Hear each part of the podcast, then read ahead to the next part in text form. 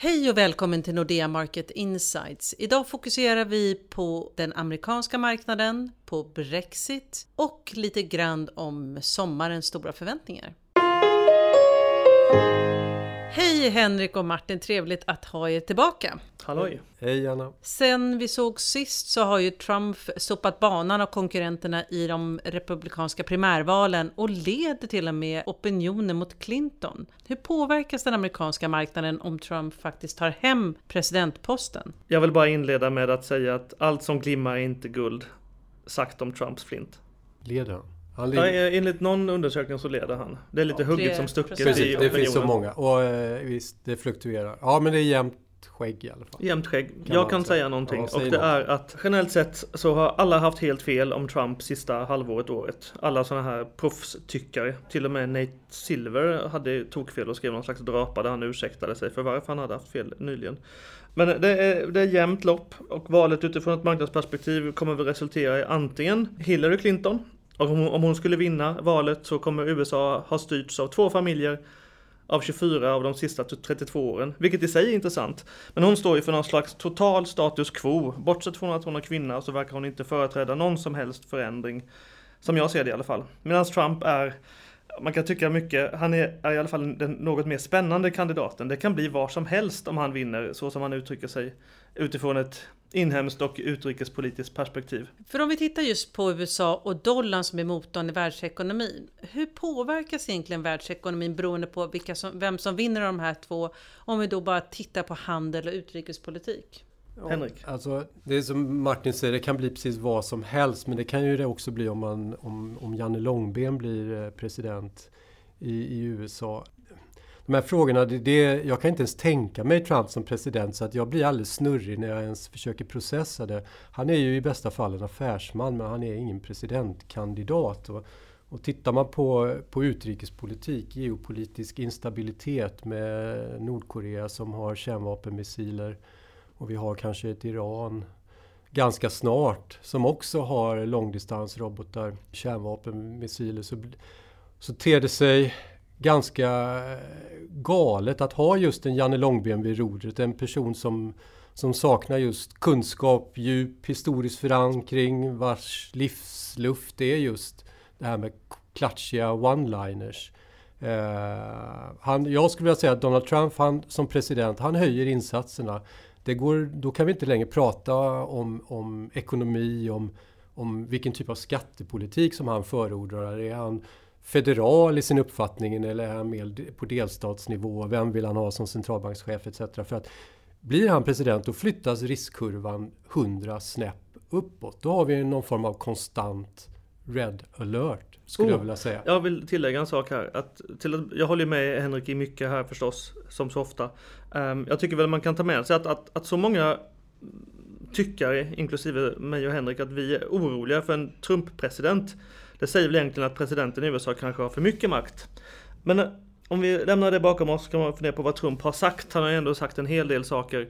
Och det man ska kanske fokusera mest på är just utrikespolitik och handelspolitik. Han har ju pratat om att eh, han tycker att Irakkriget var jäkligt korkat. Men det menar han väl det senaste av Irakkrigen och det tycker väl Många, det håller väl många med om, så det är väl en ganska smart åsikt Trump har till skillnad från Hillary i den här frågan. Men det talar ju för lite ökad isolationism, att USA kanske kommer dra sig tillbaka. På samma tema har han uttryckt sig ganska hårt om Europa och NATO och då tycker han att det kanske är dags för Europa att ta sitt ansvar i försvarsfrågan. Vi har ju totalt underfinansierat vårt försvar i Europa, lite baserat på att USA kommer ändå rädda Europa om vi ställer till det en gång till. Och om sanningen ska fram så är väl Sverige det land som är den största freeriden av alla vad gäller att rida gratisvågen från USAs starka militärmakt. Så det talar också för lite att vi i Europa kommer behöva ha rejält höjda försvarsanslag om Trump skulle vinna och göra slag i den här isolationismen. Men man kan också ha med sig att George Bush den yngre, innan han invaderade Irak och Afghanistan. Han gick lite till val på ökad isolationism och det gick ju sådär med det. 9-11 ändrade ju ganska, ganska mycket.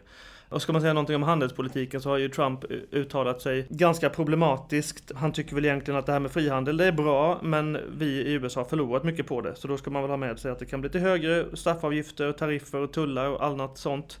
Och det skulle kunna drabba fler länder, till exempel Mexiko, men i princip alla länder som har handelsöverskott är på något sätt i kikarsiktet om Trumps politik eh, skulle realiseras på sikt då och, och drabba den globala handeln och skulle vara dåligt för global tillväxt. Jag tror att, precis, världen skulle bli mer i handelstermer mer konfrontationsinriktad eftersom Trump han vill ju hela tiden göra avtryck och han vill synas och höras. Så att volymknappen kommer ju hela tiden vara på max. När 120 decibel. Precis, så istället för att man lite subtilt förmedlar att Washington anser att Kina borde till exempel ha en starkare valuta eh, så blir det mindre diskret och mindre subtilt och så blir det rejäla påhopp. Om inte ni applicerar er valuta så kommer si och så hända. Och så, och så blir det då någon form av aggressivt handelskrig med, med högre tonläge. Och, och de här högre murarna oavsett om de är fysiska eller om de bara är retoriska så betyder det högre räntor, högre priser, det vill säga varor blir dyrare med mindre frihandel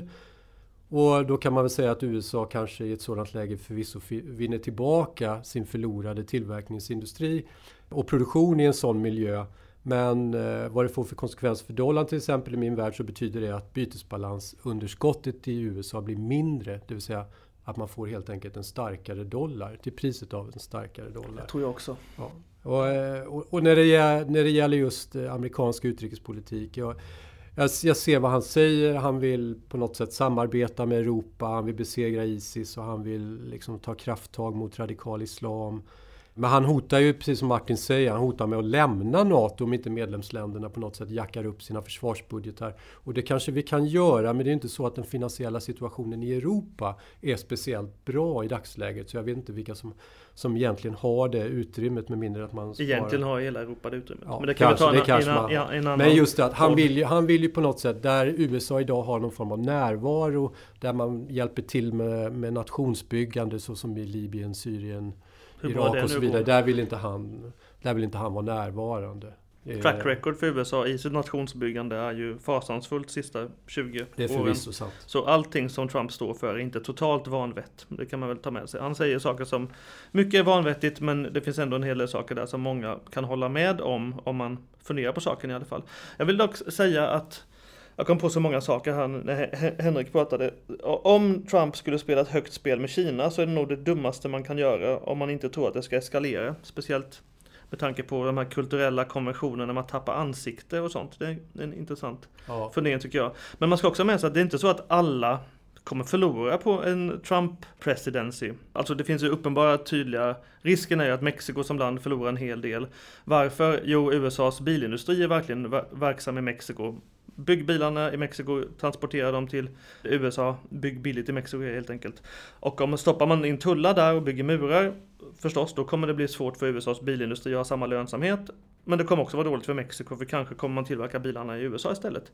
Men jag har ju redan sagt vem som kan vinna på det här. Det är ju murproducenterna. Det är ju någon sektor man kanske ska vara lång om man ska betta på Trump. Murproducenter och deportationsindustrin. Han vill slänga ut alla mexare, känns det som från USA också. Så alla kommer inte nödvändigtvis förlora från Trump. Det finns vinnare, några få där ute. Om vi lämnar honom för tillfället och tittar lite på Europa, för sommaren brukar ju vara en liten sömnig period och vi alla njuter av helt andra saker än att tänka på de finansiella marknaderna. Men 2016 ser faktiskt lite annorlunda ut. Vad är det egentligen vi ser framför oss här nu? Det är ju oerhört spännande med folkomröstningen i Storbritannien den 23 juni.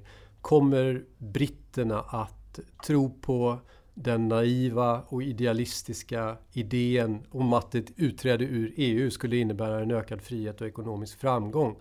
Det är det ena. Och sen har vi den här ständiga såpoperan om hur EU och IMF ska planera och rädda, rädda Grekland. IMF säger att skulder måste skrivas ner i utbyte mot reformer och någon form av nyliberal europeisering av ett misskött Grekland.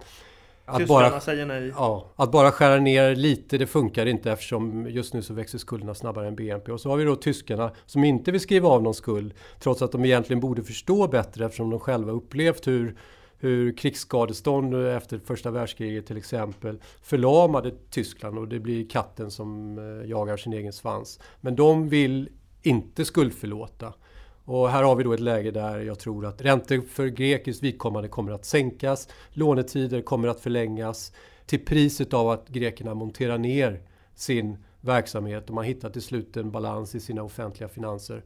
Men problemet är att när Grekland väl har monterat ner och hittat den här balansen mellan utgifter och inkomster så finns det inte så mycket kvar av, av affärsmodellen. Av, av Grekland kvar? Nej. Nej. Man, man kan tycka att det här är en osedvanligt spännande sommar men egentligen är det så annorlunda. ECB ska trycka mer pengar på nya sätt. Britterna ska rösta om EU. Ja, det är väl lite nytt. Det är val i Spanien. Grekland står inför statsbankrutt om man inte bailar ut landet. Vi har tappat räkningen, i alla fall jag har tappat räkningen många gånger man har räddat Grekland. Så egentligen är det en ganska vanlig sommar. Ja. På något sätt. Det är På bara något lite sätt så- referendum precis. mitt i alltihopa. Exakt, man kokar en soppa som man sen måste fortsätta att röra i. För samtidigt som allt det här händer så får ju populisterna mer mark. Många gillar ju de här Twitter-politiken där inget budskap är djupare än 140 tecken. Är det här någonting som kommer att påverka oss i Europa i och med att fler och fler länder ser vad de här tendenserna i? Jag, jag kan säga någonting där, där att för typ 5-6 år sedan hade jag sagt att politik helt ointressant för marknaden i 95% av fallen. Om det inte handlar om utvecklingsländer. Men ja, man kan ju se sig om vad som har hänt sedan 2009 egentligen. Det är statsskuldskris i Europa hela tiden så ska Grekland räddas. Irland, Spanien, Portugal, ökad splittring. Eh, populister på frammarsch här och där.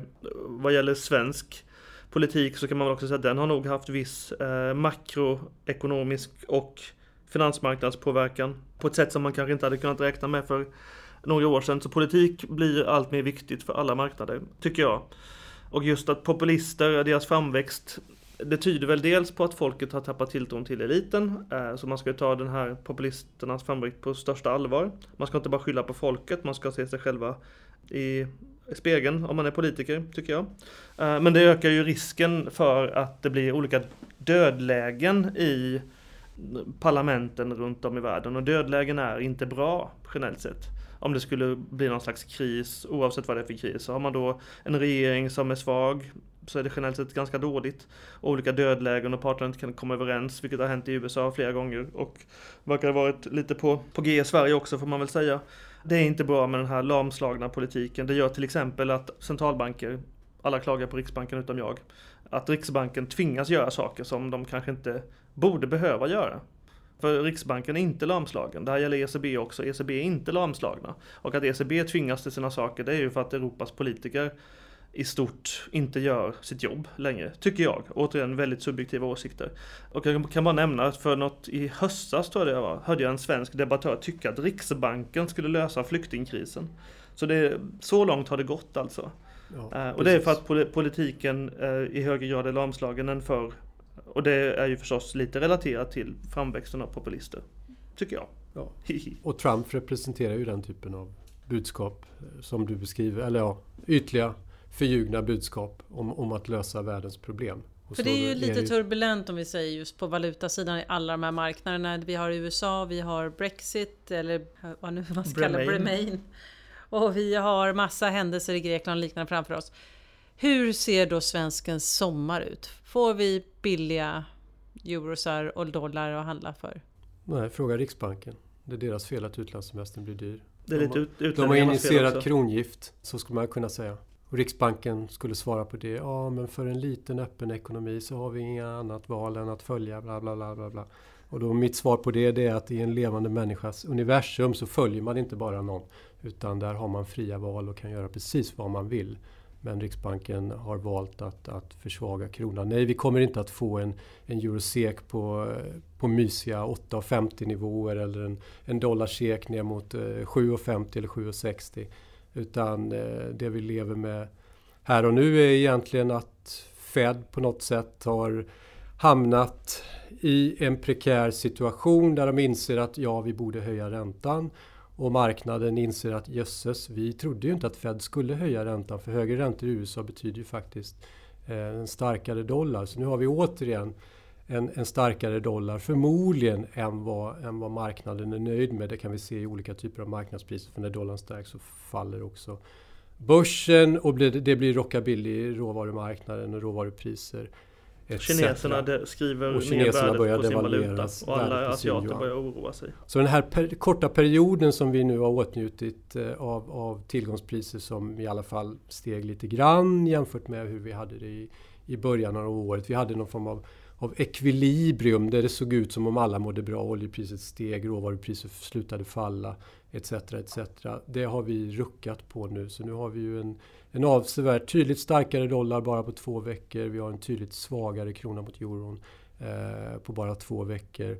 Och tittar man på retoriken från Riksbanken så, så fortsätter de att pumpa samma budskap. Ja, vi ser att Sverige växer och ja, vi ser att inflationen är på väg upp. Inflationsförväntningarna har vänt runt. Men det spelar ingen roll för vi fortsätter att punktera eh, värdet på kronan och vi, vi tvekar inte att valutaintervenera skulle så behövas. Ska jag säga någon mer sak här så historiskt sett, om man går tillbaka ett och ett halvt år, vilket inte är någon särskilt lång analysperiod, så när kronan väl har börjat tappa så brukar den fortsätta att tappa några veckor. Och intressant nog så säger den här typen av teknisk analys som vi inte brukar ägna oss åt så mycket, jag och Henrik, att eh, kronan kommer komma tillbaka med början i mitten av juni.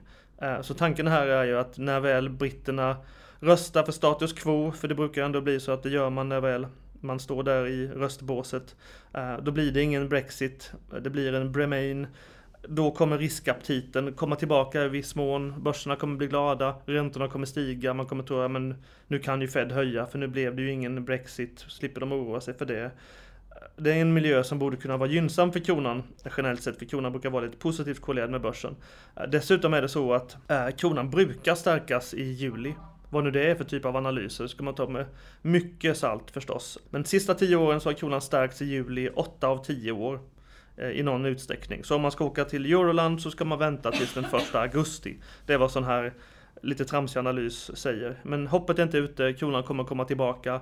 Eh, men ja, det kommer inte bli någon, någon dramatik i någon slags dunderstark krona, vilket man kanske skulle vilja om man är semestersugen. Vi får väl se hur sommaren blir. Vi har ju massa poddar kvar. Tack för att ni kom idag. Tack, tack. Tack. Tack för att ni har lyssnat. Om du vill ha fler analyser så hittar du dem på nexus.nordea.com. Du kan också prenumerera på något av våra nyhetsbrev som du hittar på nordea.se markets. Välkommen tillbaka!